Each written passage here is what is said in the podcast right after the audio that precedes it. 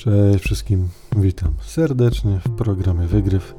Dzisiaj kolejny raz Genshin i będziemy sobie rozmawiać o nowym Archon Questie Requiem of the Echoing Depths, czyli nie wiem, jakieś Requiem Echa Głębin, e, coś w ten deseń. Mm, poza samym przejściem się po Archon Questie i jego informacjach, a sporo fajnych rzeczy tam wynajdziemy, do kontekstu będziemy potrzebować też miejsca, w którym się to będzie rozgrywać, a konkretnie Dikazm. I tam się oczywiście przejdziemy na początek, e, a na sam koniec, no oczywiście jeszcze jakieś smaczki, które gdzie indziej się nie zmieściły z okolicy Dikazm oraz tego e, Questa, Archon Questa. Zatem zacznijmy sobie od miejsca Dikazm.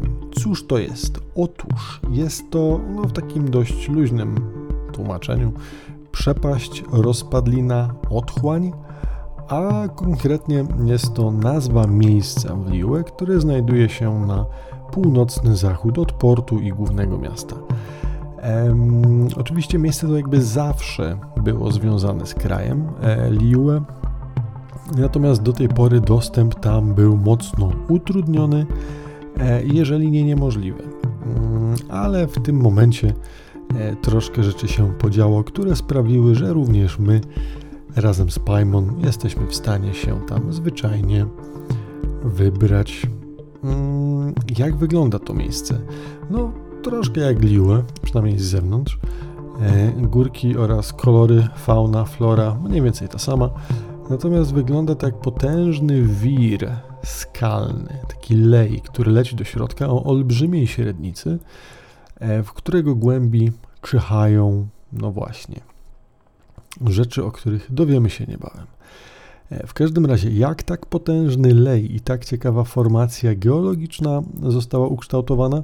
No jak się możecie domyślać, otóż nie w sposób naturalny. E, co do tego, jak dikazm, bo tak chyba będę to nazywał, nie wydaje mi się, żeby żadna z polskich nazw jakoś przypadła mi do gustu na tyle, aby je używać, więc używał będę oryginału. Krótka historia mm, tego miejsca, ponieważ trzeba nadać jemu kontekst, ponieważ do tej pory mm, go nie było, a jest to dość mocno ważne po to, aby w pełni zrozumieć, czym jest ta oto miejscówka. Tak więc e, na podstawie zebranych faktów e, tutaj zebrałem to podsumowanie, chociaż część rzeczy raczej domniemam, ale według mnie historia w bardzo dużym przybliżeniu mogła wyglądać właśnie tak jak to, co w tym momencie przytoczę. Niemniej jednak mogę coś ominąć albo przekręcić, więc dla wnikliwych zajrzyjcie dokładniej e, sami. Natomiast około 6000 lat temu statek projektu Ark albo drugiego niemieckiego tronu rozbija się na Tejwat. E, jeżeli w tym momencie nie wiecie o czym mówię, to serdecznie zapraszam do jednego z poprzednich odcinków, e, gdzie mówimy sobie o enkanomii oraz początkach Tejwatu. Tam w pełni i no naprawdę długo się rozgaduję na temat właśnie pierwszego niebieskiego tronu oraz wspominam o projekcie ARK. Tak w bardzo dużym skrócie, jakby wkraczając w Hoyoverse, no bo oczywiście gry są połączone, E, więc początki ludzi na tym świecie, na tej wacie, w miejscu, w którym gramy w Genshina, pochodzą ze świata Honkai Impact. Według pierwszych podań, pierwszą osobą, która poddała ten świat terraformacji, był niejaki Fanes. Mm, I prawdopodobnie stało się to na długo przed wojną Archonów, która jest nieco lepiej udokumentowana, natomiast te same początki, no prawdopodobnie, wiecie, obca cywilizacja zaszczepiła źródło życia w tym konkretnym świecie. Mm, tak więc długo jeszcze przed wojną Archonów pojawił się właśnie Fanes jako jedna z osób z oddziału MOF. Oczywiście tutaj nawiązania mocne do Honkai Impact. Swoją drogą, e, niedawno a propos Honkaja przedstawiono nam pozostałych pozostałe osoby z spośród 13 chyba łowców płomienia, czyli mow, czyli ćma, która leci do ognia. I jeżeli pamiętacie w książce przed, og- y, jak to było? przed Słońcem i Księżycem, wspominaliśmy o tym, że Fanes, poza tym, że wykluł się z jaja, no tutaj meteoryt albo statek kosmiczny, y, miał skrzydła i rogi. I zgadnijcie co? Jak popatrzycie na jedynego z przedstawicieli właśnie tych nowych y, motów, których niedawno nam Michojo przedstawiło, jeden z nich faktycznie i ma skrzydła i rogi. Więc zakładając jeszcze, co być może w trzecim chapterze e, Elysium Realm w Honkaju się dowiemy, mm, być może faktycznie był odpowiedzialny za projekt ARK, czyli projekt, który miał na celu e, w razie pokonania cywilizacji ludzkiej przez Honkai nieść ewentualnie e, życie do innych światów. No i według teorii i możliwych scenariuszy, tak właśnie życie zawędrowało na Tejwat. W każdym razie, no, uderzył ten statek prawdopodobnie projektu ARK w ziemię, w miejsce, które kiedyś prawdopodobnie było morzem e, albo zatoką. No ale pod wpływem uderzenia, e, no, góry przede wszystkim z dna morza się wypiętrzyły, co widzimy do dzisiaj.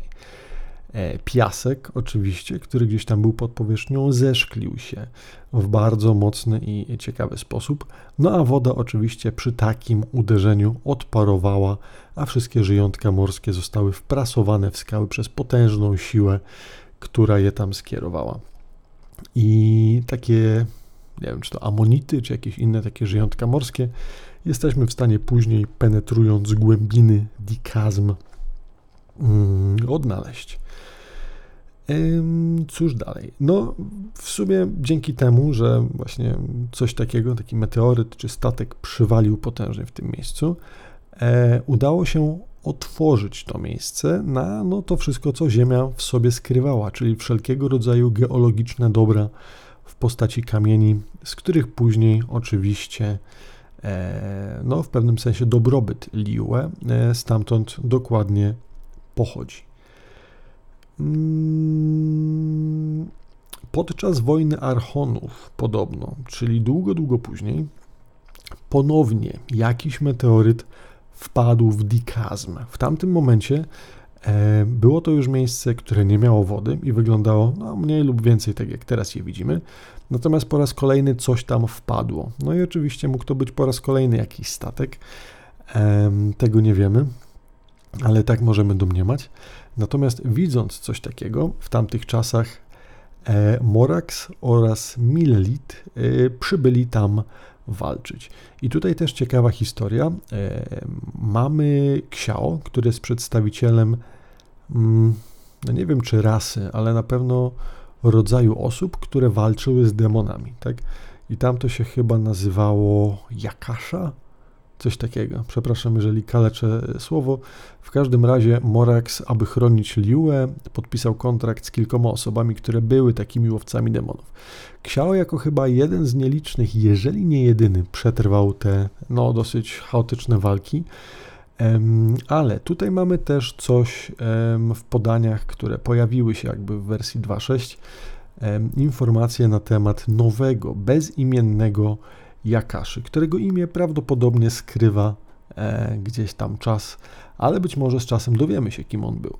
No i ponoć właśnie walczył w Dikazm po to, aby odkupić swoje winy właśnie w tamtym czasie. Mm, nosił ponoć jakiś pióropusz, yy, który miał jakieś piórka ciekawych ptaszełów. I oczywiście tam, gdzie walczył, no wiadomo, czasami te pióra z pióropusza mogły mu spadać, no a wtedy było to dla ludzi jakby symbolem dodającym ich odwagi, bo to znaczyło, że w tym miejscu walczył właśnie tenże dzielny e, Jakasz. A teraz ponoć na jakichś oficjalnych e,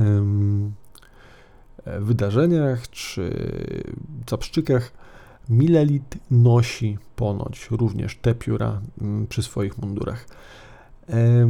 Podobno wspomniany wcześniej Jakasza poszedł sam, no może nie do końca sam, ale przewodził wszystkim walczącym w przepastne czeluście Kazm razem z oddziałami Milelitu.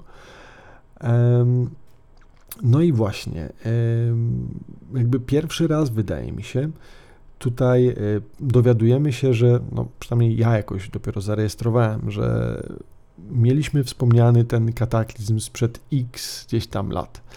E, no i ponoć tutaj podczas właśnie też tego wydarzenia sprzed 500 lat, kiedy to Kaenria zniknęła z mapy świata, a jak już wiemy, w Inazumie również działy się również niepokojące rzeczy i różnego rodzaju stwory zaczęły atakować to miejsce. Ponoć właśnie, czy to za sprawą tego drugiego meteorytu, który tam wpadł, czy za sprawą czegoś innego, również z Dikazm zaczęły nadciągać dziwne, przeróżne stwory, którym właśnie wspomniany bezimienny Jakasza oraz oddziały straży Liue e, stanęły na drodze i które rozbijali brnąc aż do wnętrza e, wspomnianej lokacji.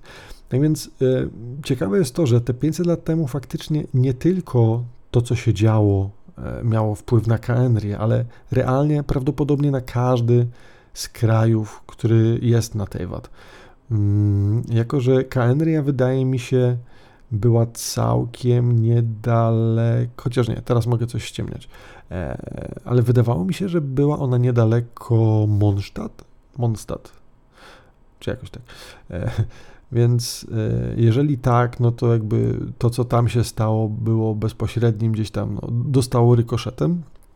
Mm, w Inazumie mieliśmy oczywiście stwory, które tam atakowały i jak już wiemy ze smutnej historii, Raiden A e, pozbawił jej większości przyjaciół, no ale jakimś e, sposobem udało się ocalić kraj.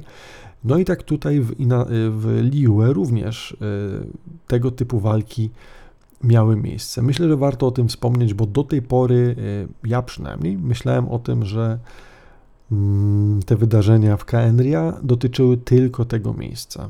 Później, po przejściu się do Inazumy, okazało się, że tam też coś się działo, no ale myślałem, że być może to tylko jakiś przypadek. Natomiast teraz wydaje się, że to, co miało miejsce faktycznie 500 lat temu, było grubo zakrojoną akcją która prawdopodobnie nie oszczędziła żadnej części kontynentu. No ale o tym możemy się dowiedzieć tylko, jeżeli będziemy nieustannie grać i poszukiwać informacji, bo na razie za wiele o tym nie mamy. Hmm. Cóż jeszcze warto wspomnieć? Niedaleko wspomnianego Dikazm e, żyła również jedna ze starszych cywilizacji, w ruinkach, które nazywają się Duniu. I historia tego miejsca jest opisana w książce e, Zapiski Juyun, Records of Juyun, czy jakoś tak. I fragment nazywa się Ukryty Szmaragd albo Hidden Jade. W skrócie jest to historia o tym, jak cywilizacja, która tam mieszkała, która była dosyć stara, e, po jakimś czasie, po wydarzeniach właśnie sprzed 500 lat, no niejako granicząc albo będąc całkiem niedaleko od Dikazm, musiała ostatecznie zapieczętować miasto i zostawić je za sobą. Tam później do ruin tego miejsca jesteśmy w stanie oczywiście w grze dotrzeć, jest to jakby fragment mapy, natomiast samo miasto przez mieszkańców zostało zapieczętowane, a oni sami zaczęli jakby przenosić się na brzeg. I tak prawdopodobnie powstało, albo przynajmniej urosło, urosło Liue. Mm, jeszcze przed chyba samym, samymi wydarzeniami w Kaenri 500 lat temu, tutaj jakby wracając z powrotem do Dikazm, Kaenrianie albo no, osoby, które tam żyły, w sensie osoby z tego kraju, e, poszukiwały czegoś w okolicy Dikazm. Do przeczesywania e, bezkresnych głębin tego miejsca używały robotów, które wyglądały no, konstrukcyjnie troszkę inaczej, bo trochę jak czerwie z Duny, natomiast e, samą estetyką przypominały dość mocno te stwory, które już znamy, które były wcześniej tworzone właśnie przez Kaenrię, czyli różnego rodzaju roboty bojowe. I tak samo te właśnie e, takie, nie wiem, dżdżownice gigantyczne były używane do e, po prostu sprawdzania tego, co tam jest. I mamy nawet możliwość później z kilkoma z nich e, na miejscu tam e, walczyć. Mm, no ale cóż, Kaenria zostaje ostatecznie pokonana te 500 lat temu. Jakieś niedobitki prawdopodobnie ludzi i być może resztki robotów zostają tam na miejscu. Część robotów zostaje, ludzie prawdopodobnie nie przeżywają w związku z e, klątwą, która jest na nich nałożona. Mm, a następnie, e, no właśnie, następnie, czy to było wcześniej? Tu mogę też coś chronologicznie mieszać, ale przynajmniej tak, żebyście wiedzieli, co w okolicy Dikazm się działo. E, było to też chyba miejsce, gdzie Ashadha i Morax e, się poznali i chyba ostatecznie walczyli. E, Ashadha to jest jeden z pierwszych smoczych władców, czyli ten śmieszny boseł, który wygląda trochę jak byk, a trochę jak smok ten, który jest w stanie zaciągać różnego rodzaju elementy i ma dwie swoje fazy, kiedy to właśnie zmienia te elementy. Mm, ponoć żył kiedyś w tym miejscu i ludzie, którzy wydobywali właśnie różnego rodzaju kamień, prawdopodobnie już mieszkańcy Liue wtedy, e, gdzieś tam zaczęli uszkadzać e, leylinesy, i energię, która przez nie przepływa, e, co spowodowało, że Ashada się e, no, wiem, wpadł w szał albo po prostu stwierdził, że nie może tego tak zostawić. No i w tamtym momencie doszło właśnie do walki pomiędzy nim a Moraxem, e, którego pewnie wspierali też wtedy inni adepti. No i zakończyło się to później uwięzieniem Ashadhy e, i jakby no prawdopodobnie dalszą eksploracją tego miejsca. Cóż jeszcze? Mm, mm, w chwili obecnej, e, w, w głębinach, gdzieś tam bardzo, bardzo głęboko pod ziemią, znajdujemy coś, co wygląda jak czarna maź, która sobie gdzieś tam wypływa i wygląda to troszkę jak jakiś efekt zatrucia, być może energią otchłani. Jak tak sobie patrzę, bo wygląda to jak takie fioletowe gluty, które gdzieś po prostu rosną na ziemi i e, no powiedzmy są one w stanie dopakować stworki, które gdzieś tam w okolicy się znajdują. Część z nich oczywiście z zakonu otchłani, żeby nie było. Wydaje mi się, że wygląda to troszkę jak e, zatrucie, którego doznał Diwalin, oczywiście też jakby za sprawą zakonu otchłani. Mm, no i e, być może tutaj jest to też jakaś forma ingerencji właśnie zakonu otchłani w to konkretne miejsce. No ale do takich czasów jakby jeszcze najbardziej współczesnych Warto też dodać, że jakiś czas temu, kiedy dokładnie, to chyba nie zostało określone, ale Fatui również e, e, stwierdzili, że będą oni tutaj czegoś potrzebować i czegoś szukać. Warto dodać, że został zawarty oficjalny pakt pomiędzy Fatui a Liue, którzy właśnie mieli zgodę na zgłębianie tutejszych tajemnic. Fatui sami twierdzili, że robią to po to, aby walczyć z Celestią e, i aby robić to za wszystkich, albo żeby walczyć tam jakby w imię wszystkich innych nacji. Być może taka konkretna mm, retoryka pozwoliła mm, mieszkańcom Liue zgodzić się na tego typu ekskawacje. I to też być może wyjaśnia, dlaczego Morax w pewien sposób bez większych problemów zgodził się oddać swoją gnozę yy, La Signorze, ponieważ no, wcześniej już byli, jak widać, dogadani na pewnym etapie i Morax prawdopodobnie do jakiegoś stopnia zna plan Śnieznaj oraz e, Carycy. W takim wypadku no, daje to nieco taki bardziej pełny obraz tego, jak historia pomiędzy tymi dwoma krajami się um, układała. Mm, co ciekawe, y, samą, samą, samą może, no nie wydobywką, bo chyba nic konkretnego stamtąd Fatui nie wyciągali, natomiast no, Fatui ma swoich, znaczy Śnieznaja ma swoich heraldów, czyli Harbingers, tak, których już poznaliśmy wcześniej w postaci Skaramusza, Signory albo Childa. E, jest też jedna postać, która nie pokazała się póki co w grze, ale słyszymy o niej w konkretnym kontekście tego właśnie miejsca. Chodzi mianowicie o Pucinella albo Pucinelle, Nie wiem do końca w sumie, czy to jest forma męska czy żeńska. W każdym razie e, Herald o imieniu Pucinella e, jakby zarządzał tą wyprawą, konkretnie tutaj, której celem było zbadanie prawdopodobnie tych głębin, aby być może, jak sami później będą twierdzić, e, mieć możliwość walki z Celestią. I tu już chyba pierwszy raz oficjalnie pada to stwierdzenie, że walka, którą podejmujesz nieznaja, jest walką za wszystkich, jest walką z obecnym panteonem, a przynajmniej jakby tą najwyższą władzą, która e, siedzi nawet nad archonami.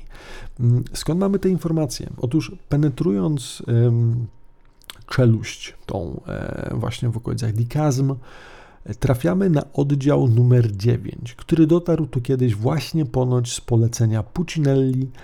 E, no, dość spory oddział, mający około 64 osób. No i ich celem właśnie była tutaj jakby rozpoznanie tego miejsca. E, nie był to jedyny oddział, być może było ich więcej, ale przynajmniej ten jeden na pewno spotykamy.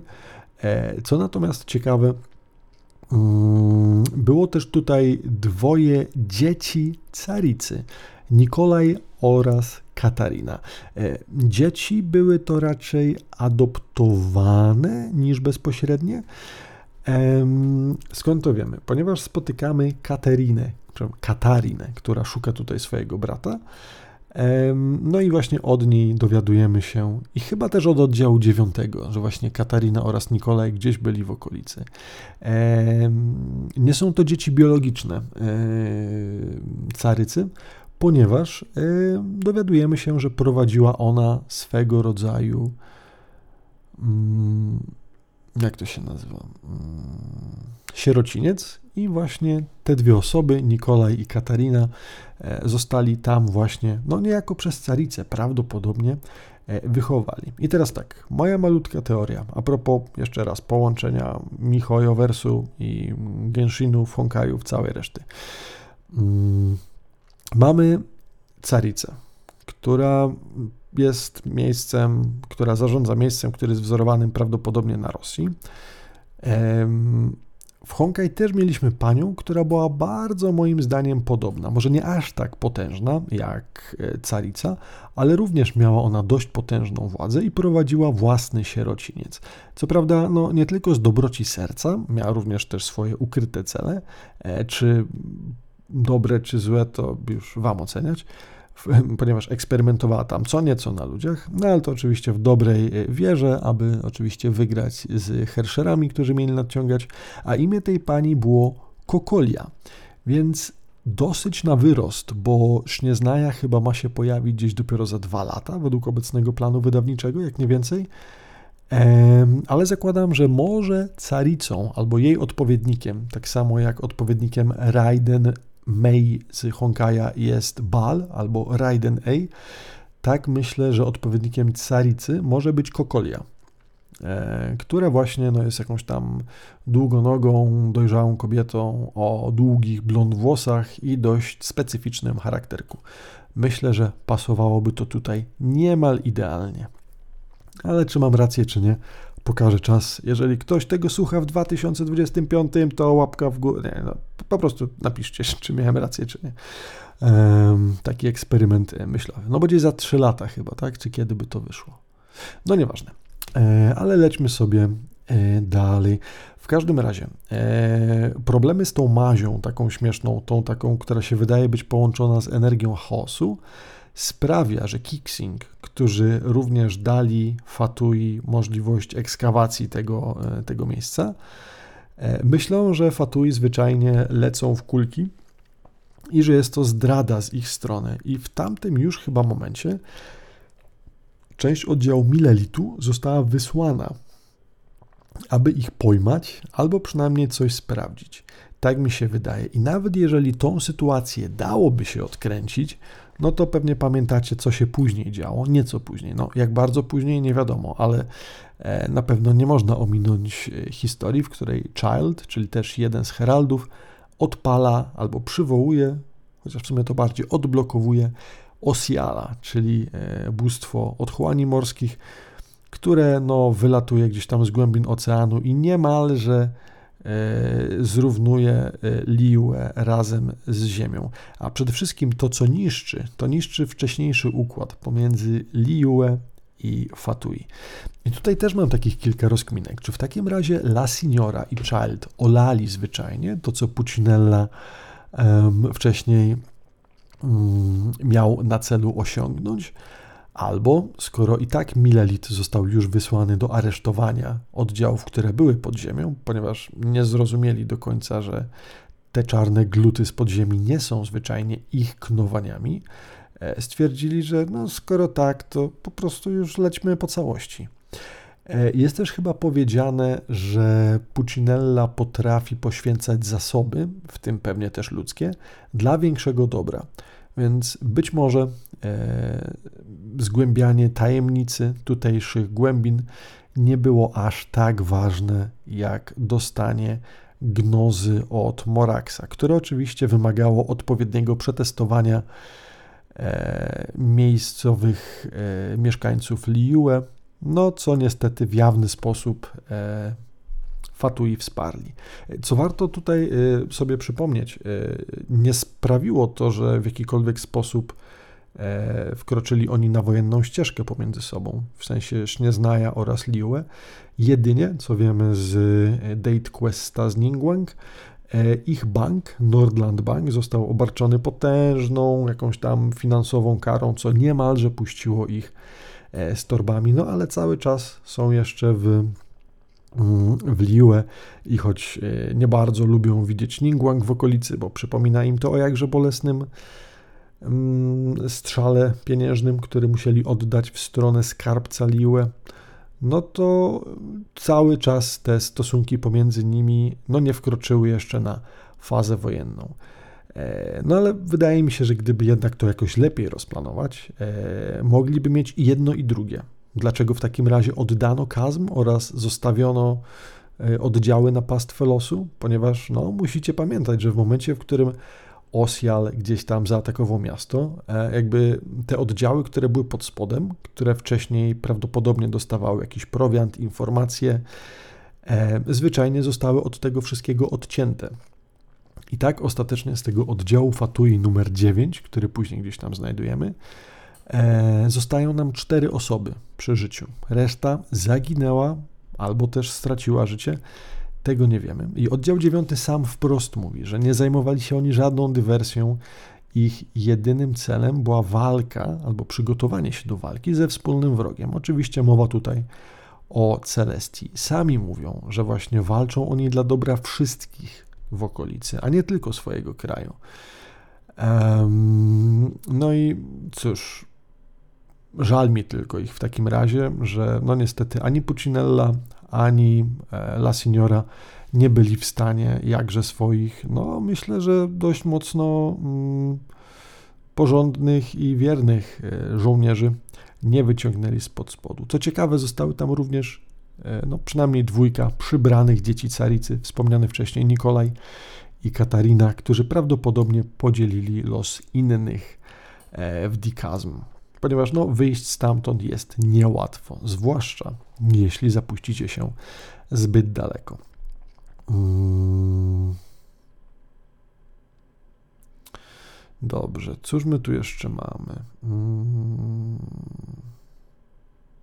No tak, no czyli mamy już tą sytuację, cały czas próbując wyjść do świata obecnego. Więc Milelit nie zapuszcza się za głęboko do środka, no bo oczywiście są tam stwory, jakaś maź i, i cała reszta masakry. Fatui no praktycznie już nie ma, ponieważ ci, którzy tam byli, próbują się ewakuować albo przynajmniej poszukać reszty oddziałów.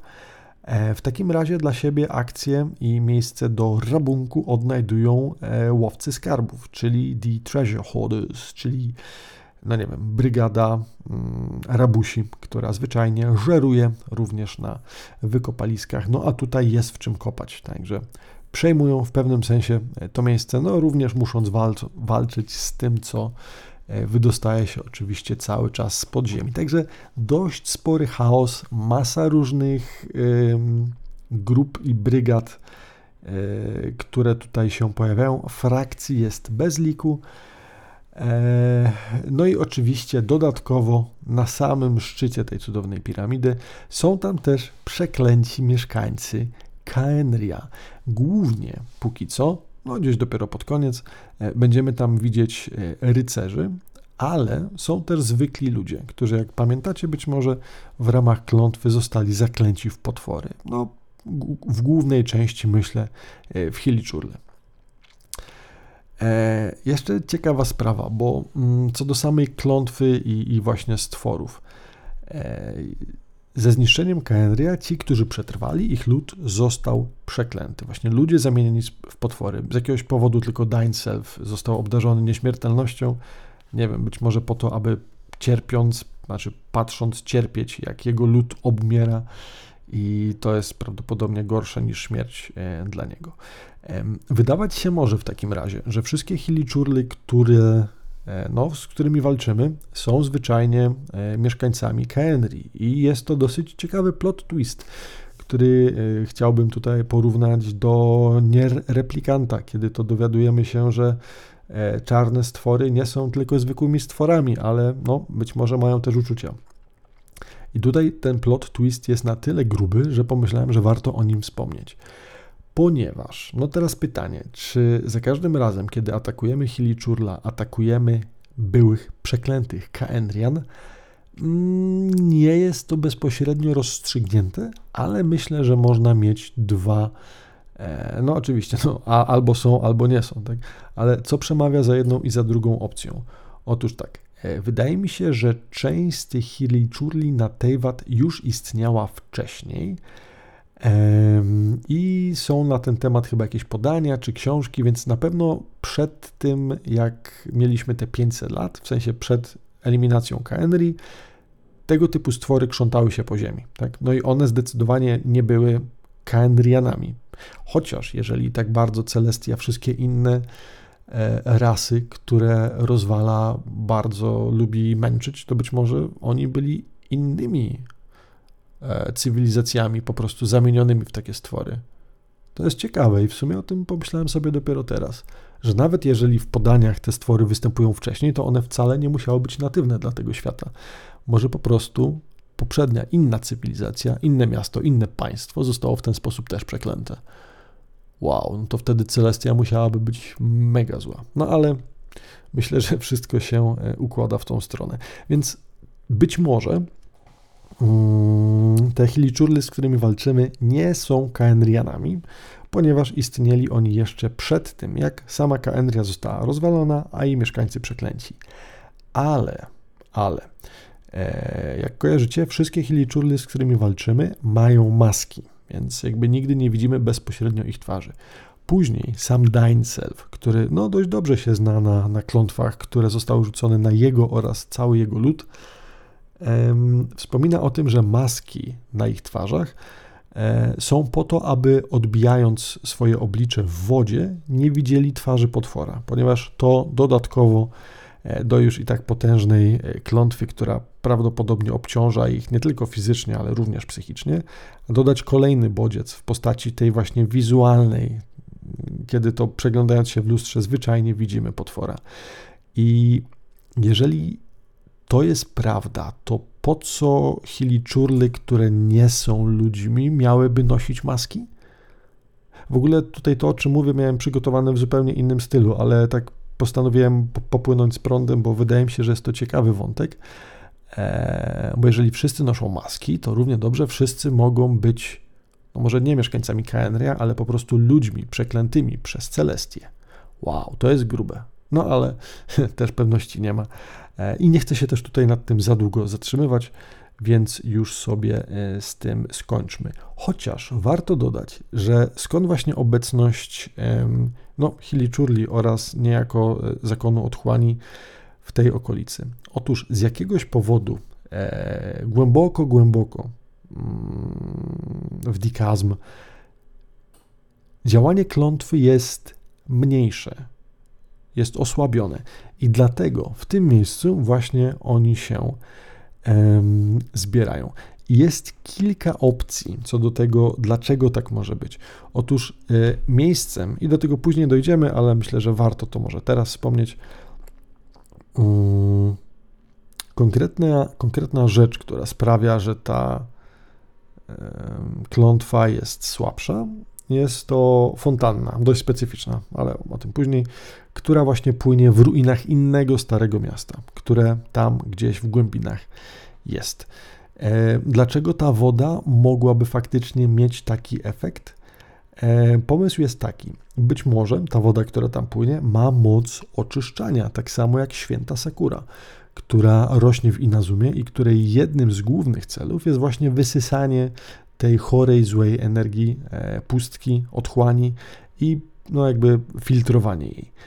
E, oraz inną sposobą, albo pytaniem, dlaczego akurat tak by się tutaj mogło podziać, jest to, że zwyczajnie w tej fontannie, która być może jest źródłem młodości, e, paczał, paczał, maczał palce i starot, czyli Bóg czasu, czyli być może Venti. Jeżeli tak, no to faktycznie Istarot mógłby tutaj również zlitować się nad ludźmi, nie konkretnie nad Kaenrią, ale z jakiegoś powodu, e, no ta fontanna płynęła w tym starym mieście, które pomimo tego, że już od dawna e, właściwi mieszkańcy tam nie mieszkają, woda w nim cały czas płynie. Być może, tak jak to za sprawą Boga czasu, czas płynie tam inaczej. W ogóle w całym dikazm jest też podejrzenie, że czas może płynąć inaczej, ale no, o tym się jeszcze, mam nadzieję, kiedyś em, dowiemy. Dobrze. E, w każdym razie, jak już wspomniałem, na samym dnie jest pradawne miasto i warto dodać, że nie jest to Kaenria. E, sam Dainself też potwierdza, że pomimo tego, że widzi dosyć podobne bryły geometryczne, które można by uznać w pewnym sensie za kaenriowe, no coś mu jednak się nie zgadza i zakłada, że są to starsze ruiny e, jakiejś jeszcze wcześniejszej cywilizacji. E, czy mówiłem o tym, że to miasto jest odwrócone do góry nogami? Tak jak pamiętacie, być może w Will Be Reunited, czyli będziemy znów połączeni, tam odkryliśmy odwróconą statuę jednego z siedmiu, która gdzieś tam sobie wisiała w powietrzu, e, w jakichś podziemiach. Tutaj trafiamy na całe miasto, które jest odwrócone. Oczywiście statuetka też jest, ale no jakby jest to już na kompletnie mm, innej skali. Więc no cóż, grawitacja zdecydowanie działa normalnie, natomiast miasto wydaje się być wywalone do góry mm, nogami. I co myślicie, co mogłoby się stać, aby miasto faktycznie całe mogło się wywalić w drugą stronę? Nie wiem, jedyne co mi przychodzi na myśl, jakaś, nie wiem, koniunkcja sfer, być może, nie wiem, część informacji, które mm, Skaramusz uzyskał w Reconciled Stars, może jakieś połączenie światów, nie wiem, jeden wyparł drugi, ten silniejszy, wiecie, walka pomiędzy boskimi tronami, coś takiego, no ale ach, nie wiadomo, miejmy nadzieję, że jeszcze się tego kiedyś dowiemy. W każdym razie, wracając do fabuły, bo wreszcie w tym momencie myślę, możemy skończyć opowiadanie sobie historii związanych z Dikalm i mam nadzieję, że w tym momencie macie już jakieś mgliste chociaż pojęcie o tym, czym jest to miejsce, a jeżeli nie, mm, no to zdecydowanie zapraszam Was do odwiedzenia tej watu, ponieważ wydawało mi się, że zwiedzanie jaskiń będzie nudne w Genshin. Jakoś nie jestem typem, który, no wolę zdecydowanie otwarte przestrzenie, ale sposób, w jaki została zbudowana właśnie Dikazm jest naprawdę rewelacyjnym. E, być może to wynika z tego, że nie napalałem się na nic fajnego, a naprawdę mnie chwyciło za serce. Być może jeżeli ktoś z Was hypował na tą lokację, no to teraz jest niezadowolony. Niemniej jednak, moim zdaniem, warto. Nawet jeżeli nie przypadnie Wam do gustu, jest to na tyle różnorodna lokacja, że każdy znajdzie tam chyba coś dla siebie. W każdym razie, Kaśka e, z Liue, e, Kasia, która jest oczywiście powierniczką gildii podróżników, w sensie Decatrin,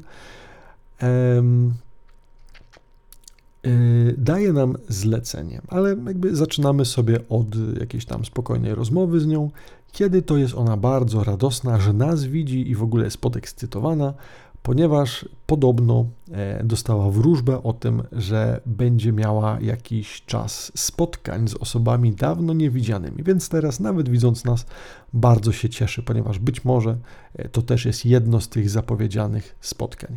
No ale z kim tak naprawdę Catherine mogłaby się spotkać? Nie wiem, z inną Kaśką, no bo w końcu w każdym kraju, w którym jesteśmy, jest gildia podróżników i jest też Kaśka, więc nie wiem, może spotka się z inną, albo nie wiem, ze swoją stwórczynią, nie wiem, zakładam, że być może jest to Alice.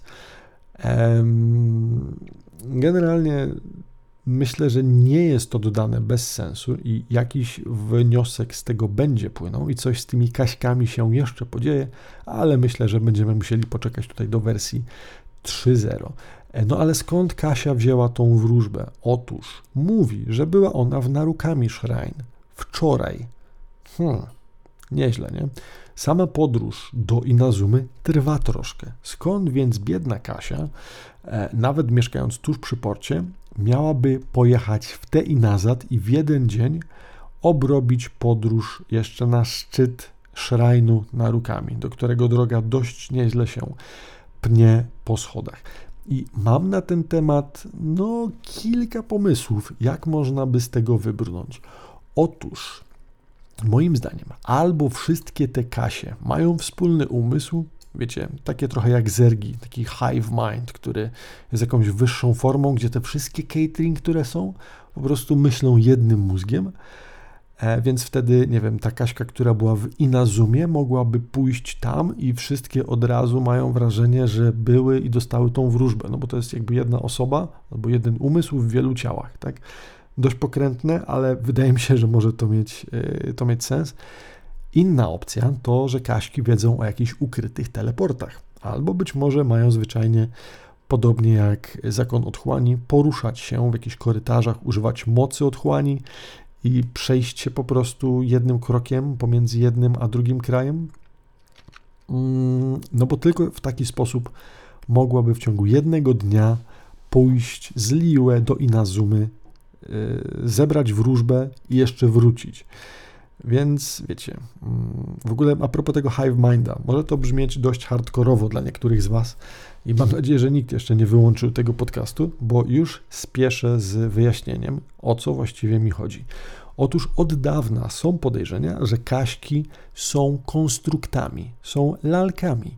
Niemalże dokładnie tak samo jak Raiden Shogun stworzyła swoją lalkę, która miała kontrolować Inazumę i podobnie jak tego typu nieudanym mechanicznym niejako konstruktem jest Skaramusz. I na początku na przykład Kasiek w ogóle nie widzieliśmy z zapleców. Później okazało się, że mają one na kołnierzyku z tyłu karku coś, co przypomina troszkę miejsce na kluczyk. Wiecie, tak jakby tam można było, nie wiem, nakręcić robota czy coś takiego. Jeżeli dla, których, dla niektórych z Was jest to zbyt naciągany kontekst, to polecam sobie posiedzieć przy niektórych kaśkach i poczekać, co będą mówiły, e, ponieważ potrafią one raz na jakiś czas rzucić tekstem typu error albo rebooting, czyli tam nie wiem, e, nie wiem, wznawianie systemu, czy coś takiego, co zdecydowanie nadaje im trochę taki, wiecie, mm, robotyczny aspekt. Więc no, moim zdaniem e, są one częścią zaginionej cywilizacji i techniki jak nic. Poza tym, personalnie mam dość spore podejrzenia, że Gildia Podróżników jest kolejnym wielkim graczem i frakcją, która co prawda do tej pory wydaje się być dosyć neutralna, ale coraz więcej widzę elementów, które sugerują, że będą oni kiedyś odgrywać kluczową rolę. I to nie tylko w rozdawaniu zadań i zabijaniu wolnego czasu naszego bohatera, ale ogólnie w losach całego świata. No bo pomyślcie o, ni, o nich w ten sposób. Mm, wydają się być póki co bierni, niby nie mają swojego kraju, ale tak naprawdę są wszędzie. Nawet w Inazumie, która była już dawno temu odcięta przez dekret Sakoku, e, mają tam całkiem niezłą i prosperującą gildię. E, dodatkowo, wiecie, no, są wszędzie, prawie tak samo jak zakon otchłani, co nie? I tamci też nie mają kraju. Nie jestem w ogóle pewien, czy gdzieś to przeczytałem. Próbowałem dzisiaj odnaleźć te informacje na nowo, ale mi się nie udało. Wydaje mi się, że e, ten, tą gildię założyła Alice. ale mogę się mylić. Gdzieś jestem pewien, że to czytałem dzisiaj, próbowałem znowu do tego dotrzeć, nie udało mi się. Jak macie gdzieś jakieś namiary do źródeł, e, piszcie proszę w komentarzach na YouTubie i będziemy wtedy mieli e, jakiś punkt odniesienia. E, w każdym razie, mm, dodatkowo, i to jest myślę klucz, który w tym momencie w mojej głowie przekręcił kilka trybików. E, kojarzycie powitanie Kaśki, te, które standardowo się pojawia i wszyscy przewijają, a ona za każdym razem radośnie je powtarza? Ad astra abyssoko. E, co można, z łaciny oczywiście, tłumaczyć na do gwiazd i otchłani. Hmm, ciekawe, co nie? No i wiecie, jest to łacina, tak? No wiecie, do gwiazd i gdzieś tam w pustkę, czy w przestrzeń, czy w otchłań, no dobra, spoko, fajnie, no mówi tak, bo mówi, bo to brzmi kule. Niby tak, ale zauważyliście jeszcze, gdzie w tej grze używana jest łacina?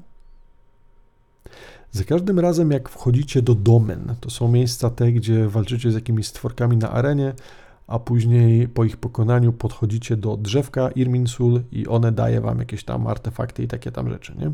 To jest domena. Eee, mówię o tym, bo sam często zapominam tą nazwę, no ale w każdym razie e, tam pojawiają się różnego rodzaju znaczki, takie trochę hieroglify, troszkę, wiecie, jakieś takie niby niezrozumiałe literki. Było też tego mnóstwo w Enkanomii, jest to również w Dikazm. Mm, co się udało naszemu cudownemu fandomowi rozszyfrować? Otóż każda z tych liter ma swój odpowiednik w literach, które my normalnie znamy. I większość tekstów, które się pojawiają w różnych miejscach, odpowiadają zwyczajnie e, jakimś tam literom, dzięki czemu jesteśmy w stanie przetłumaczyć sobie część z tych dziwnych rzeczy, które w ruinach na przykład się pojawiają. Ale czekajcie, to wcale nie jest koniec. E, moim zdaniem, jeżeli cywilizacje, które były niemalże pierwsze na tym świecie, jak zaginione rzeczy w ruinach Dikazm, albo Enkanomia, czyli pierwszy niebiański tron, który uformował niejako tą ziemię, e, swoje napisy i runy używali właśnie w języku antycznym i niezrozumiałym praktycznie przez większość w tym momencie, czyli łacinę, no to jeżeli to jest normalne powitanie, którego używa Kaśka, jak bardzo podejrzane to jest? Moim zdaniem dość bardzo. W ramach jeszcze samej łaciny oraz e, no, zaginionych tekstów i tak e, warto myślę też dodać, że w Dikazm e, odnajdujemy pewien list albo w sumie poemat. I jest to ciekawe, bo Wydaje mi się, że e, w momencie, w którym się to odnajduje, to jakby jesteśmy w stanie odczytać tylko jedną linijkę tekstu, oczywiście zapisaną tym kodem, który po translacji jesteśmy w stanie gdzieś tam przepisać na łacinę, a później to przetłumaczyć. Jesteśmy w stanie zebrać cały poemat. E, nie wiem, czy każdy gracz dostaje jeden, ale jakoś udało się w, ka w każdym razie całość tego wziąć i, e, i odnaleźć. Jeżeli słuchacie tego na Spotify'u, to nie macie pomocy gdzieś tam wizualnych, natomiast jeżeli jesteście na YouTubie, to prawdopodobnie mój lamerski montaż w tym momencie wrzuci Wam to wszystko gdzieś na ekran. E, I tak, e, postaram się tutaj przetłumaczyć to, jak ten poemat biegnie. E, oczywiście wcale nie po łacinie ani nie po angielsku, tylko próbując moje biedne tłumaczenie na polski Wam tu przytoczyć, tak aby możliwie sens jak najmniej na tym ucierpiał, chociaż no wiecie, jak to przy translacji z jednego języka, a później z drugiego na trzeci może być różnie. Ale uwaga, lecimy, melorecytacja teraz. Nawet jeśli nie jestem obrońcą Kenria ani Inazumy lub trzymającym lirę Barbatosem, nawet jeśli nie mogę latać jak Pegas, ani białe, szybkie, bezkształtne karoce wraz z uskrzydlonymi bogami latającymi w powietrzu, pragnę prędkości wiatru. Przyjacielu, zaufaj mi. Moje kości zmęczone, zaafektowane wieloma chorobami. Przyjacielu, gdy Cię szukam, niebiosa spadną i kłamstwa opadną. Dość hardkorowe, prawda?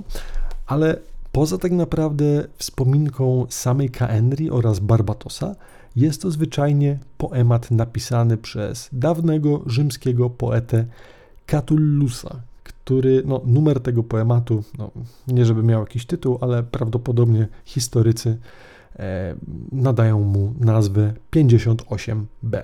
Więc jest to, no, w pewnym sensie parafraza tego tekstu, która być może tutaj bezpośrednio w jakiś sposób odwołuje się do e, naszych wydarzeń.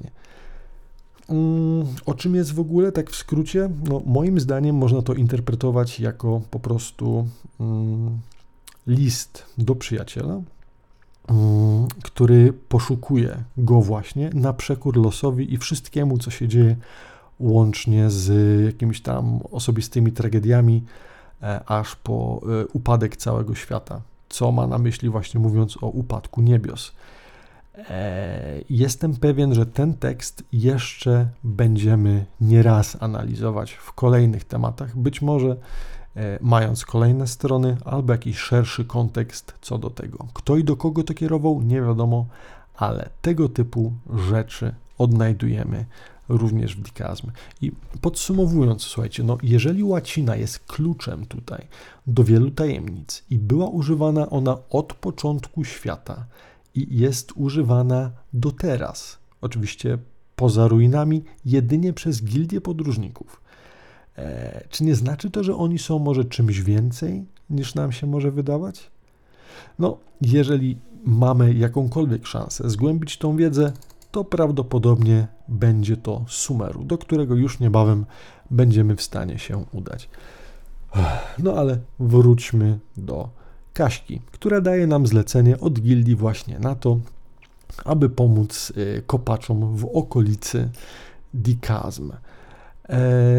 Chodzi o to, że widziano tam jakąś sporą liczbę hiliczurli, które wchodziły do kopalni, ale nie wychodziły. I w pewnym momencie zaczęło to zwyczajnie dawać do myślenia lokalnym górnikom, którzy wezwali gildię na pomoc w rozwiązaniu tej no, interesującej zagadki. Mm. I wydaje mi się, że jeszcze pod koniec wspomina ona o czymś, że zapadniemy się w otchłań i nie wiem, czy tutaj ma na myśli jedynie wejście w dikazm, czy być może nasza przemiła Kasia wie więcej i lepiej, gdzie my się udajemy, niż my sami? Taka wiecie, szara eminencja?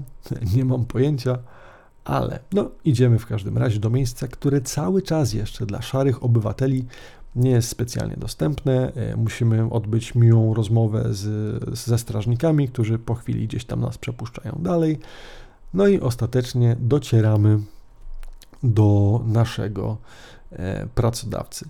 E, w takim dużym skrócie, no jakby mm, wejście do kopalni prawdopodobnie jest gdzieś z boku, tak? Jakieś mniejsze z prawej i z lewej. I to jest też jedna rzecz, której nie do końca rozumiem, jak macie to jakoś wyjaśnione, to dajcie znać. E, skoro w tym momencie część górników oraz te hiliczurly gdzieś wchodziły, to po jakiego grzyba nasz bohater, Eter, e, odpieczętowuje potężną pieczęć, która zasłania główne, ale także potężne wejście, e, które wygląda jak wyłom, który prawdopodobnie mógł zrobić tylko meteoryt albo spadający statek. Nie mam kompletnie pojęcia, czemu nie użyto żadnego bocznego tunelu, aby to zbadać, no bo gdzieś tam te stwory musiały wchodzić, tak? No ale tutaj jakby mm, niekoniecznie. Mm, no. No, w sensie, czemu nie odpieczętować jakiejś potężnej, wielkiej pieczęci, która strzeże tego miejsca, a najwyżej wypuścimy jakieś zło na świat. A co? Przynajmniej nie będzie nudno. Tak mi to niestety póki co E, wygląda. No poza tym jakby to nudno wyglądało, gdybyśmy wchodzili jakimś bocznym tunelem, a jakże epicko jest, kiedy odpieczętowujemy potężną e, barierę. E, no i ostatecznie docieramy do wnętrz jaskini, która wygląda troszkę jak krasnoludzka Moria, moim zdaniem. Przynajmniej wiecie, patrząc na ilość przestrzeni pod ziemią, no naprawdę nie przypomina to takich typowych tuneli. Jest to bardziej coś na rodzaj no, dość, myślę, podobny rodzaj przestrzeni jak Enkanomia. E, natomiast no, mamy tutaj taki troszkę poziomowy układ. Nie jest to wszystko na tym samym poziomie, tylko cały czas w naszych badaniach i dążeniach będziemy zapadać się coraz głębiej i głębiej, aż do wnętrza Ziemi, aby kolejne tajemnice sobie e, rozplątywać. I tak odnajdujemy brygadę z gildii, która właśnie ma tam swoje cele, też między innymi geologiczne rozpoznanie terenu, no i razem z nimi, e, że tak powiem, udając się, natrafiamy e, na coraz to nowe miejsca. Aby dostać się głębiej, musimy część korytarzy sobie utorować, zwyczajnie wysadzając fragmenty ścian, aż po miejsca, gdzie, uwaga, uwaga, trafiamy znowu na kolejną pieczęć. E, ta wygląda troszkę jak jakiś zaawansowany technologiczny byt, i fruwa jakby w takim dziwnym otoczeniu geometrycznych kształtów, które troszkę przypominają mi to, czym e, nieznane bóstwo próbowało atakować wcześniej nasze rodzeństwo, kiedy jeszcze było razem. E, więc być może ta pieczęć tutaj była właśnie zastosowana przez, e, przez Celestię. W każdym razie kolejną już pieczęć musimy odblokować aby zejść nieco niżej. I tak oto trafiamy wreszcie do wspomnianego już wcześniej odwróconego miasta. Hmm. E, jeszcze kilka e, rzeczy a propos tej pieczęci. E, jednym, jak już wspomniałem, z pomysłów, dlaczego tam mogła ona się znajdować, to to, że po prostu Celestia, która poza zniszczeniem cywilizacji stwierdziła, że jeszcze nie chce, aby ktokolwiek tam przebywał, więc dodali zapasowe drzwi być może ktoś z obecnych, tak jak nie wiem, Morax albo jeszcze ktoś inny, e, zwyczajnie to zamknął po to, aby ta maź z podziemi nie wydostawała się jeszcze bardziej, albo być może to nasz, nasza siostra Lumin zamknęła to wejście po to, aby w mieście na spokojnie móc zebrać pozostałych przy życiu ludzi z Kaenria. I tak oto podziwiając to piękne, ale i dziwne odwrócone miasto, napotykamy znowu Daneselfa, który no, próbuje sobie podróżować e, przez wymiary kolejny raz. Mm, stwierdza on, że te ruiny, które tutaj, no oczywiście poza tym, że jesteśmy zdziwieni, że na siebie wpadamy, no to stwierdza on, że te ruiny są dużo starsze niż Kenria, pomimo tego, że no niby mogłyby pasować jak na to, ale też co ciekawe, e, mówi właśnie o tym, że tutaj klątwa Celestii wydaje się być nie aż tak uciążliwa i że jest to w sumie miejsce, w którym pierwszy raz jest, więc prawdopodobnie gdyby kiedyś już odnalazł takie miejsce, gdzie ta klątwa jest słabsza, być może korzystałby z niego częściej. No ale tu dotarł e, tylko i wyłącznie po raz pierwszy. No ale skąd w ogóle wziął się tutaj Dainsel? Tak, chłopak mówi, że wskoczył do portalu, goniąc jakiegoś tam e, tego mm, chaośnika. E, tak samo jak wcześniej próbował gonić naszą siostrę, kiedy to za pierwszym razem w kwestii Will Be Reunited próbował za nią pobiec. No my zdecydowanie nie zdążyliśmy, on zdążył, ale no on sam mówi, że niestety nie udało mu się, ponieważ zamiast za Lumin dotarł gdzieś do leża Storm Terrora. No wiecie, domena to jest generalnie domena zakonu otchłani i Dane mówi o tym, że nie są to bezpośrednio, wiecie, tunele, które łączą dwa różne miejsca, ale są to jakby labirynty korytarzy, którymi można dotrzeć do różnych miejscowości. Więc już wiemy, że na pewno mamy wejścia do tego, no, do, tego, do tej sieci tuneli. W jednym miejscu pod Liuę, gdzie mieliśmy tą pojedynczą, zbezczeszczoną statuę. Wiemy, że wejście na pewno tam jest w okolicy mm, tego e, leża Storm Terrora. No i oczywiście tutaj, czyli właśnie przy ruinach niewiadomej cywilizacji w głębi Dikazm. Mm.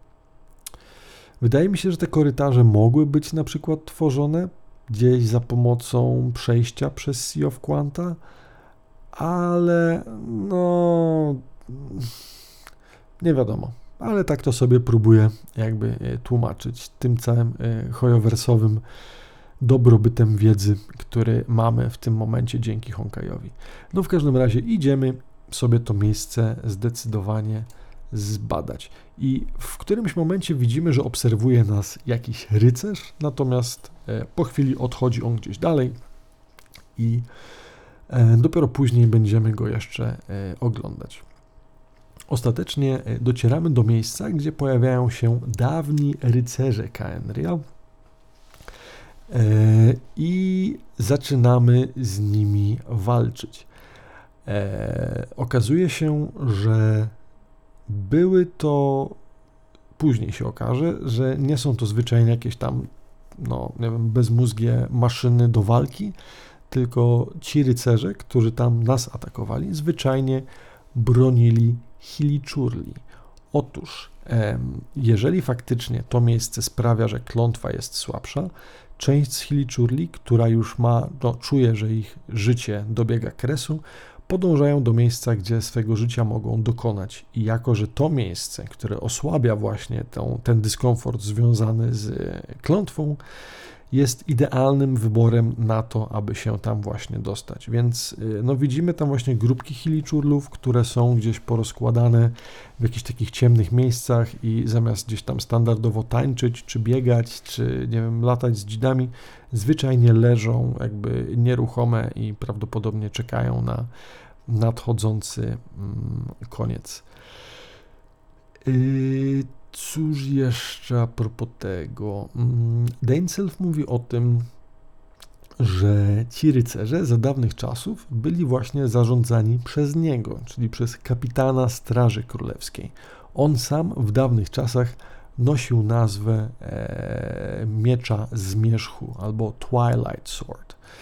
E, więc no, w pewnym sensie e, rozpoznaje zbroję e, swoich rycerzy, którzy tam chyba noszą nazwę wężowych rycerzy, czy coś takiego, Serpent Knights, jakoś tak to się chyba nazywało. Korzystając jakby z chwili tego, że wspomina swoją przeszłość, pytamy go wprost o Lumin i o rodzaj ich znajomości, no i przyznaje, że kiedyś oni podróżowali razem, ale niestety podróżowanie po tym świecie w poszukiwaniu sensu no nie skończyło się dla nich pomyślnie, ponieważ ich drogi się rozeszły. Jak niedługo usłyszycie, każdy z nich obrał swoją ścieżkę na dopięcie, no powiedzmy, że podobnego celu. I zastanawiam się tylko, na ile tutaj podróż Dain Selfa oraz Lumin będzie taka sama jak podróż Etera oraz Paimon, ponieważ no wydaje mi się, że pewna paralela może tutaj nastąpić, ale pewności nie ma. W każdym razie um, e, przypomniały mi się też w tym momencie słowa Abys Lectera, tego, którego spotkaliśmy w, e, w Enkanomii, który stwierdził, że nasz bohater zwyczajnie zbyt mocno jest ufny i kiedyś Paimon też może go zdradzić. Czyżby może to był jakiś hint, że coś takiego dojdzie do skutku? No, pozostaje nam czekać i sprawdzać, czy tak będzie, e, czy nie.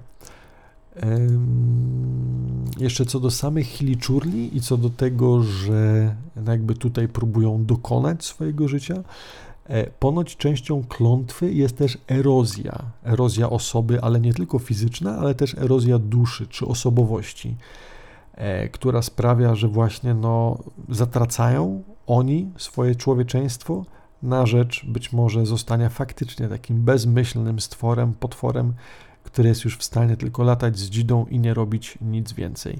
I to ciekawe, bo ta cała erozja, o której już wcześniej wspominała nam Ej, to był w sumie powód, dla którego ona zdała swoją, e, swoją władzę do Raiden Shogun, czyli lalki, która miała zarządzać krajem z jej ramienia właśnie w obawie przed tą e, erozją Ej jakby oddała swoje cielesne ciało, które stwierdziła, że jest tym głównym problemem miejsca, a sama udała się medytować na swój plan Eufymii. E, I w tym wszystkim zastanawiam się tylko tak, jeżeli przez te 500 lat umysły właśnie na przykład Hiliczurli i innych były w stanie zerodować, jak przez ten czas, jakim cudem Dainzel trzyma się cały czas, albo zwyczajnie chłop ma niezłomną i stalową siłę e, umysłu, którą cały czas dowodzi, że no, był faktycznie odpowiednim kapitanem w odpowiednim miejscu, E, a jeżeli nie, być może chłop zna jakiś sposób na to, aby powstrzymać tą całą erozję. Pamiętajmy, że przecież archoni, którzy żyją przez kilka tysięcy lat, również, no przynajmniej w wizualny sposób jej nie doświadczają. Więc być może jest jakiś sposób na obejście tego dziwnego wydarzenia.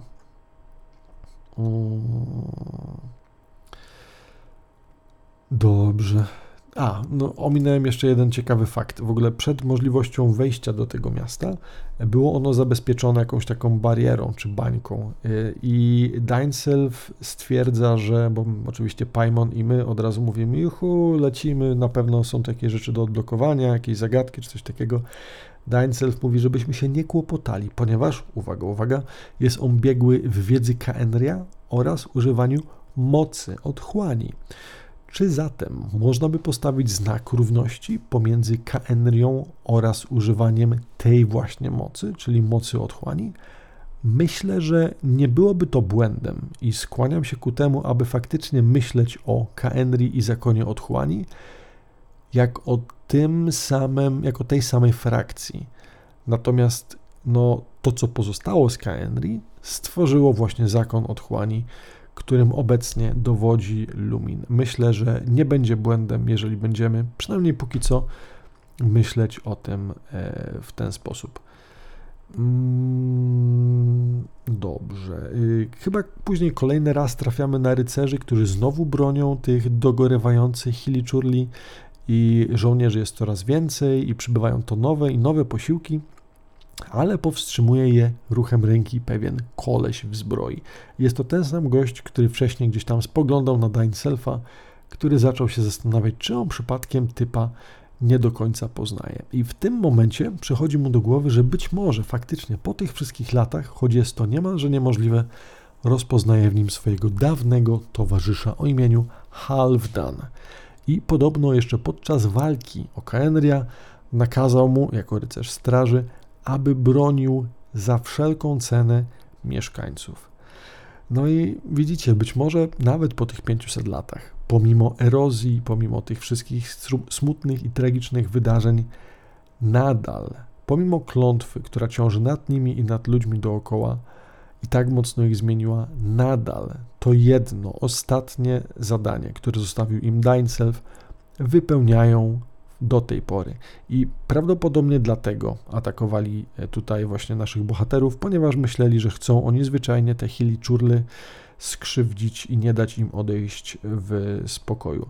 Natomiast w momencie, w którym Halfdan wydaje się poznawać faktycznie e, również Dainselfa, e, każe rycerzom się odsunąć i już więcej ich nie kłopotać, ponieważ widzą, że no, przybysze nie mają żadnych złych intencji wobec tych e, Hiliczurli. E, no i faktycznie do końca później już nam oni nie przeszkadzają. My natomiast chodząc dalej po ruinach, w sumie za Halfdanem, docieramy do miejsca, które faktycznie łagodzi tą klątwę. Jest to wspomniana wcześniej płynąca fontanna. Tylko jest pewien twist. Tak? Jak już wspominałem, miasto jest odwrócone do góry nogami. W sensie jakby wyrasta z sufitu grawitacja w nim działa normalnie, więc jakby no my nie chodzimy po suficie, tylko chodzimy jakby no tam nie wiem, po czymś, co kiedyś było prawdopodobnie e, właśnie górą, ale no jakby nie zmieniamy tutaj żadnej osi e, w tym, co się dzieje. Fontanna, która wypływa z tego miejsca, e, płynie tak, jakby grawitacja nie miała dla niej znaczenia, czyli patrząc z naszego punktu widzenia, płynie ona do góry i jest to całkiem e, ciekawa sytuacja. Tak jak wspomniałem wcześniej, być może e, ta cała tutaj woda, to źródełko jest być może faktycznie fontanną młodości, być może jest to jakaś zaklęta woda, która na przykład w jakiś sposób reprezentuje e, moc Istarot, czyli Boga czasu. Mm, bardzo możliwe, że tak jak kiedy Enkanomia była właśnie w potrzebie, ten tutaj kraj również został przez Isztarot e, wsparty w tym jakże trudnym momencie. I zastanawiam się, czy w takim razie być może fragmenty tego miejsca nie są na przykład też enkanomią. No przecież nie całość królestwa musiała lec gdzieś tam w podziemiach no, w tym miejscu, do którego do tej pory już mieliśmy dostęp. Być może cały kraj został rozsypany po różnych miejscach i część na przykład cywilizacji zwyczajnie wylądowała w innych miejscach, tak jak choćby tutaj gdzieś głęboko pod Liuem. Mm, I jakby też jeszcze wychodząc od słów, które mówi Dainsel, czyli o tym, że ta architektura wygląda nieco na zbliżoną, mam też pewne podejrzenia, że sama Kaenria mogła zostać założona przez potomków Enkanomii, czyli w pewien bezpośredni sposób mamy tutaj spadkobierców woli pierwszego tronu niebiańskiego. I to by też wyjaśniało, dlaczego Lumin tak bardzo na tym zależy. Jeżeli cały czas wrócimy do pomysłu, że nasi bliźniacy, czyli Eter oraz Lumin, przybyli właśnie razem z pierwszym tronem niebiańskim na Teyvat. Mm, no ale dobrze, podążamy sobie dalej za Halfdanem, aż docieramy do obozowiska Hiliczurli. Tam niestety nie zastajemy żadnych em, żywych E, stworków. Wydaje mi się, że widzimy kilka, które no już e, odeszły sobie z tego świata. Co ciekawe, znajdujemy też gdzieś na posłaniu świat. E, nie świat, tylko kwiat, który wcześniej widzieliśmy we włosach Lumin. Mówi o nich Dainsel, że są to kwiaty, które kojarzą mu się z jego własnym krajem. I nazwa tego kwiatu to In Teyvat, czyli, no nie wiem, w Teyvat. Jeżeli w ogóle popatrzycie, jak wygląda ikonka questów tych naszych głównych, albo e, z samego początku gdzieś tam intra, mm, jak lecą dwie komety właśnie, przepraszam, nad światem, to można tam dostrzec właśnie morze tychże kwiatów, Intejwat. E, no i tutaj również e, mamy jakby to miejsce, które być może sugeruje, że była tutaj właśnie lumin. Kiedy eter próbuje dotknąć e, tego kwiatu, faktycznie e, chłopak no, ma flashbacki z przeszłości e, swojej siostry i widzi, jak rozmawia ona z jednym z magów na temat powodzenia planu zniesienia klątwy z mieszkańców Kenry. I mówi, że nawet jeżeli jest to tylko jednoprocentowa nadzieja na powodzenie, to chce ona ten plan urzeczywistnić. I Dainself mówi, że y, to, no bo oczywiście później wizja się kończy, a jakby my mówimy Dainselfowi, co widzieliśmy. On stwierdza, że nie, że on jest generalnie ekspertem w dziedzinie y, klątw i on wie, że to nie zadziała. E, mówi, że badał to przez 500 lat i według niego nie ma żadnych szans, aby to zadziałało. Więc no, myślę, że to jest główny tutaj jakby powód, dla którego Lumin i Self już nie podróżują razem, ponieważ chodzi im o to, że oboje chcą dobrze dla ludzi, dla byłych mieszkańców Henrya. I o tyle, o ile Lumin wydaje się, poza oczywiście toczeniem walki z Celestią i z Archonami tutaj na miejscu, próbuje również odczynić te czary, które zostały rzucone na jej lud. Natomiast Dainsel zwyczajnie woli e, jakby pasywnie podejść do tematu i nie walczyć z, prze, z przeznaczeniem, tylko zwyczajnie po prostu w spokoju, z godnością odejść, tak jak te hiliczurly, które tutaj przybyły po to, aby dokonać swoich ostatnich dni e, i już pożegnać się e, z tym światem. Mm, Eter ma tutaj jakby dylemat moralny, ponieważ nie wie, czy stanąć do końca po stronie Selfa, czy być może po stronie swojej siostry, ale wydaje się, że retoryka Daina y, przekonuje go i przynajmniej przez jakiś czas chłopaki zamierzają e, podróżować i działać razem. Wracamy więc do odwróconej fontanny, gdzie okazuje się, że rozpoczyna się rytuał. I wydaje się on, no oczywiście ten rytuał jest zapoczątkowany przez zakon otchłani, pojawia się tam chyba znowu jakiś lektor otchłani i e, ustawia on dziwny kryształ, który swoją energią trafia we fontannę, co wydaje się wzmacniać jej działanie.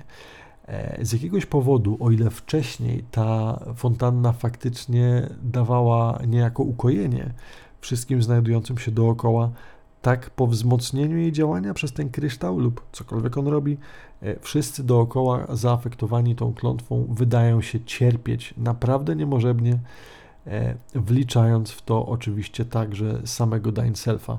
Zaklina on więc nas, abyśmy przerwali to działanie e, i jakby sam gdzieś tam zwija się z bólu, nie będąc w stanie specjalnie za dużo zrobić. I wydaje mi się, że faktycznie, jeżeli by porównać na przykład tą klątwę do czegoś w rodzaju infekcji Honkai, to być może ten rytuał byłby swego rodzaju przebudzeniem stygmatu, tak? czyli czymś, co uodparnia na energię Honkai. I tutaj no, Lumin mówi, że ta szansa jest w okolicach 1%. Wydaje mi się, że przebudzenie stygmatu w związku z projektem Stigmata, który miał miejsce w Honkaju. Tam to był chyba 1 promil, czyli 10 razy mniej niż tutaj. No ale myślę, że można by to w jakimś sensie próbować połączyć. E, w każdym razie, zanim jesteśmy coś w stanie zrobić z tym kryształem, pojawia się znowu Halfdan, który w dosyć heroiczny sposób rzuca się wprost na kryształ i zasłania go swoim ciałem, e, jednocześnie jakby no, przeszkadzając w tym dziwnym rytuale który się tutaj odbywa. My w tym czasie oczywiście atakujemy lektora otchłani, który przeprowadzał ten rytuał, a następnie niszczymy kamienie, które zasilały e, tutaj całość. Mm, no, oczywiście, jakby niestety e, Halfdan nie przetrwał tego całego, e, tej całej sytuacji, ale po chwili pojawia się jego, nie wiem, wspomnienia, dusza albo dane i stają one przed Dine. I chłopak wydaje się być no naprawdę w niemałym szoku. E, salutują tam sobie chyba e, Dane oczywiście. Dziękuję tamtemu za służbę, no bo jakby bez kozery 500 lat chłopak cały czas wypełniał danemu e, zadanie. Mm, no i to tyle.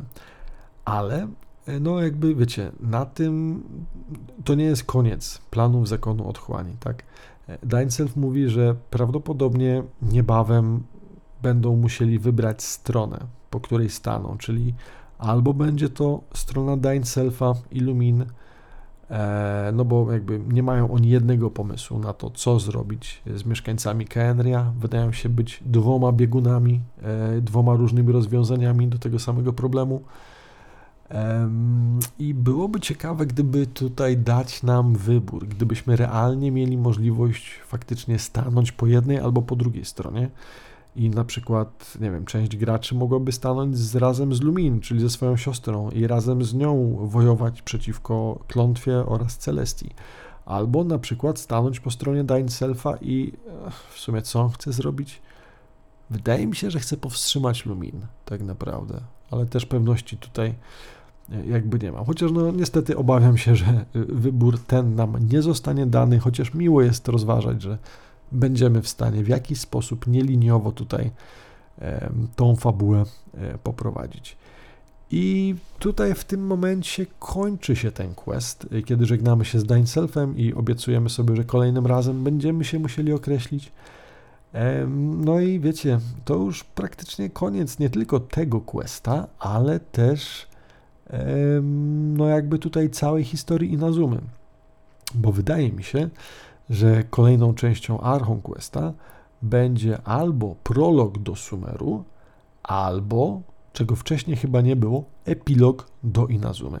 Wydaje mi się, że są jeszcze tutaj elementy właśnie w e, kraju kwitnącej wiśni, które nie zostały zamknięte, łącznie z wielkim sztormem, który zbliża się do wybrzeży e, Inazumy.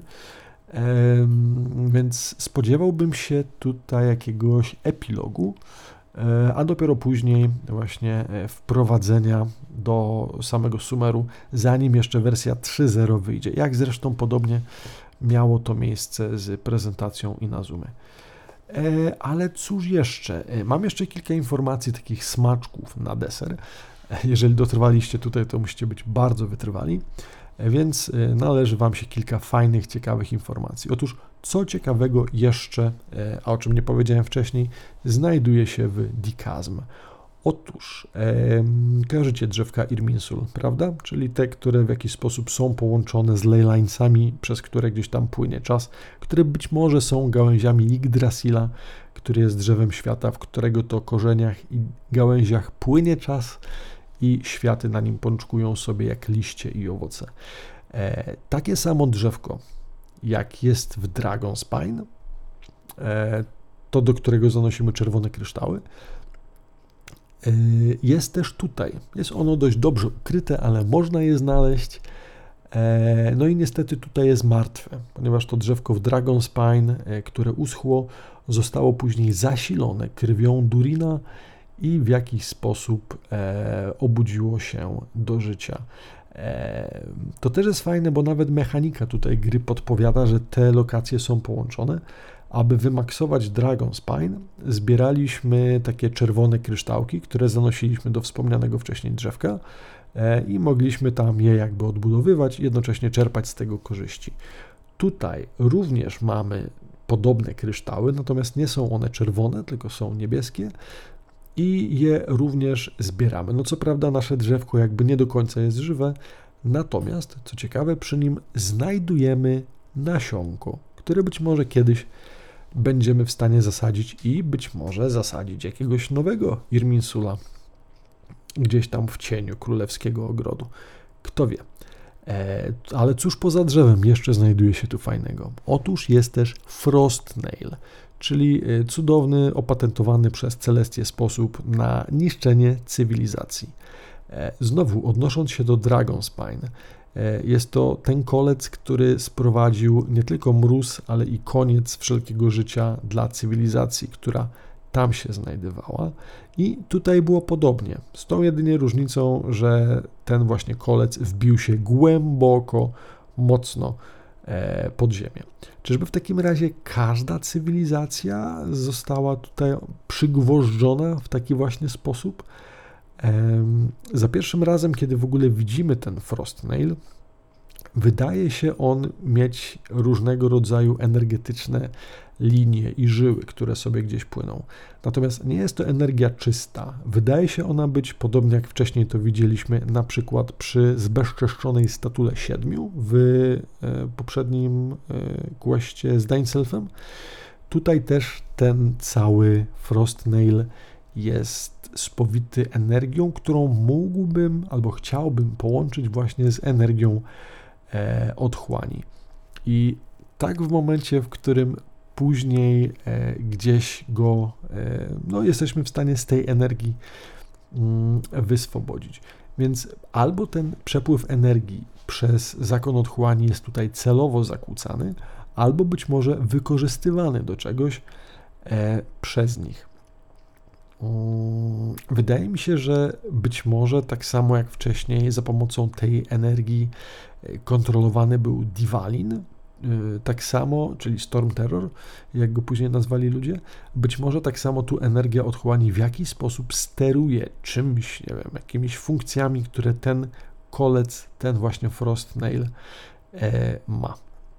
W każdym razie, gdy oczyścimy dostatecznie e, tenże cudowny e, fragmencik z e, mocy pustki i otchłani, pojawia się jeden z kopaczy Kaendria, czyli ta wspomniana wcześniej mechaniczna koparka, która wygląda troszkę jak czerw z Duny, e, no i musimy z nim walczyć. E, wydaje się chłop być no, dosyć silny i wydaje mi się mieć z nim dość spore problemy, kiedy to na szczęście ktoś z boku strzela i wydaje mi się, że to właśnie tenże Frostnail strąca co również wydaje się być dość ciekawą energią, e, albo przynajmniej mocą, ponieważ no, nie wydaje się to być osiągalne, moim zdaniem, dla zwykłych śmiertelników, aby coś takiego osiągnąć. I o ile nasz bohater chyba tego nie do końca widzi, my oczywiście wiemy, że ten gwóźdź, kolec czy fragment kamienia, który spadł i unicestwił stwora, został zestrzelony przez Jelan, czyli nową postać, która już w kolejnej aktualizacji będzie dostępna do grania i jest to pani z Ministerstwa Spraw Cywilnych, która albo współpracuje, albo jest być może jedną z Kicksing Ja bym stawiał, że jest to jednak jakaś współpracowniczka Ningguang, która na najwyższym poziomie odpowiada za tutejsze właśnie sprawy cywilne e, w tym kraju. Dlaczego pojawiła się tak głęboko pod ziemią? Nie mam bladego pojęcia, ale na pewno jeszcze mm, się tego całkiem niebawem dowiemy. E, I zostaje mi tylko jeszcze ewentualne podsumowanko, chociaż część tego już chyba poruszyłem, a mianowicie e, co dalej. No bo jak dobrze pamiętacie, w Will Be Reunited, czyli pierwszym kwestie, który mieliśmy z Dine no wieńczył on jakby tamtę, tamtą część historii i później od razu mieliśmy prolog y, oraz Inazumę. Więc jeżeli teraz w 2.6 mamy Dikazm Genshina, w 2.7 zakładam, że będziemy mieli prawdopodobnie epilog do Inazumy, a w wersji 2.8 już prolog do Sumeru. I prawdopodobnie po 2.8 wskoczymy sobie od razu na 3.0, kiedy to wreszcie będziemy w stanie dostać się prosto w zawiłe korzenie i gałązki drzewa, w którym to Sumeru sobie e, istnieje. E, I ostatnią rzeczą z deseru, który mam dla Was, jest e, coś, co być może dla części z Was nie jest interesujące wprost, ale zostańcie, daję Wam gwarancję, że będziecie zainteresowani. Jeżeli śledzicie to, co się dzieje w Honkai Impact w wersji 5.6, wydaje mi się, że kropki łączące te dwie gry zaczynają się bardzo mocno do siebie zbliżać. Poza tym, że pokazano wszystkich pozostałych członków oddziału MOF, e, prawdopodobnie, jak wspomniałem wcześniej, mamy tam Fanesa, jedną z postaci, która jest tam widoczna, jest Aponia. I wydaje się, że postać jest zarówno sama bardzo podobna, jak i również w grze jest przedstawiona jako osoba, która stoi tuż przy statuetce, która wygląda niemalże identycznie jak ta, która stoi przed katedrą w Mondstadt oraz ta, którą e, została wybudowana przez Raiden Shogun przed zamkiem w Inazumie. Mm, żeby było śmieszniej, e, kontekst, w którym widzimy tą postać w trailerze do Honkai 5.6 jest e, coś, co wygląda jak Celestia. Czyli wiecie, ten taki biały loading screen z, e, z Genshina, w sensie, no wiecie, te takie wieże w powietrzu, w chmurach z białego marmuru i tak dalej. Cały czas myślę o tym jako Celestii, ale być może jest to błąd. Być może tylko jakby twórcy gry chcą, abyśmy tak myśleli o tym miejscu, a być może faktycznie Celestia to nie jest. Pewności nie ma, ale nawet odcinając się od samej Celestii, e, o bardzo podobnej architekturze miejsce odnajdujemy właśnie w Honkai 5.6. E, I no, myślę, że będziemy tutaj mogli dosyć mocno niedługo połączyć te, e, te, te światy. E, dodatkowo, jeżeli wspomniane wcześniej wizje nam niespecjalnie, no, to nie jest wszystko, jest tego więcej. Co ciekawe, sama Aponia wydaje się też kierować do nas kilka słów, które brzmią mniej więcej tak jak wreszcie przybyłeś, podróżniku, czyli zwraca się ona tutaj do nas, tam traveler albo tabibito, dokładnie tak samo jak wszyscy zwracają się do nas w Honkaju. No więc wydaje mi się, że na tym poziomie jest to już naprawdę mocne powiązanie pomiędzy dwoma światami. I jako, że Honkai będzie się powoli chyba szykował ku, e, ku końcowi, gdzieś tam chyba dwa lata jeszcze jego developmentu, E, zakładam, e, tak, tak gdzieś chyba czytałem, że jeszcze około dwóch, raczej nie więcej lat ta gra będzie rozwijana. No to myślę, że ostatnie linki powoli e, będą się tutaj nam pojawiać. I nawet jeżeli to skierowanie wprost się do podróżnika tutaj przez Aponię nie jest wystarczające, to dodam tylko, że aura wtedy tego miejsca, które też prawdopodobnie jest Celestią, już nie wygląda tak pięknie i błękitnie jak przy ekranie logowania, ale jest ona spowite jakąś taką czerwoną mgłą, która znowu wygląda niemal identycznie jak moment ze wspomnień Luminy, która to biegnie gdzieś tam w okolicy Kaenria po takim właśnie czerwonym, walącym się moście, e, zanim to dotarła do miejsca, gdzie Kaenria została zniszczona. Moment ten wygląda niemal tak samo. I znowu, jeżeli akurat nie słuchacie tego na Spotify, tylko macie wizualki, na przykład na YouTubie, no to e, myślę, że dość podobne są to koncepty i mam nadzieję, że w jakiś sposób e, zachęcą Was do zagrania w Honkai, bo znowu, uwaga, uwaga, jest to naprawdę świetny fragment fabuły. Jeżeli to, co powiedziałem teraz, nie sprawia, że zechce się Wam zagrać, to wydaje mi się, że w najbliższym czasie nic ciekawszego e, niestety dla Was nie wynajdę. E, no i to już będzie tyle. Nagadaliśmy się troszkę, ale myślę, poruszyliśmy sporo fajnych spraw. E, za jakiś czas poruszymy sobie e, kłeścik z e, Ajotto, chłe, chłe, oraz z nowym kłeściorem, ale przynajmniej na jakiś czas teraz pora na przerwę. Dzięki Wam za odsłuch i trzymajcie się. Do usłyszenia. Na razie. Cześć, cześć.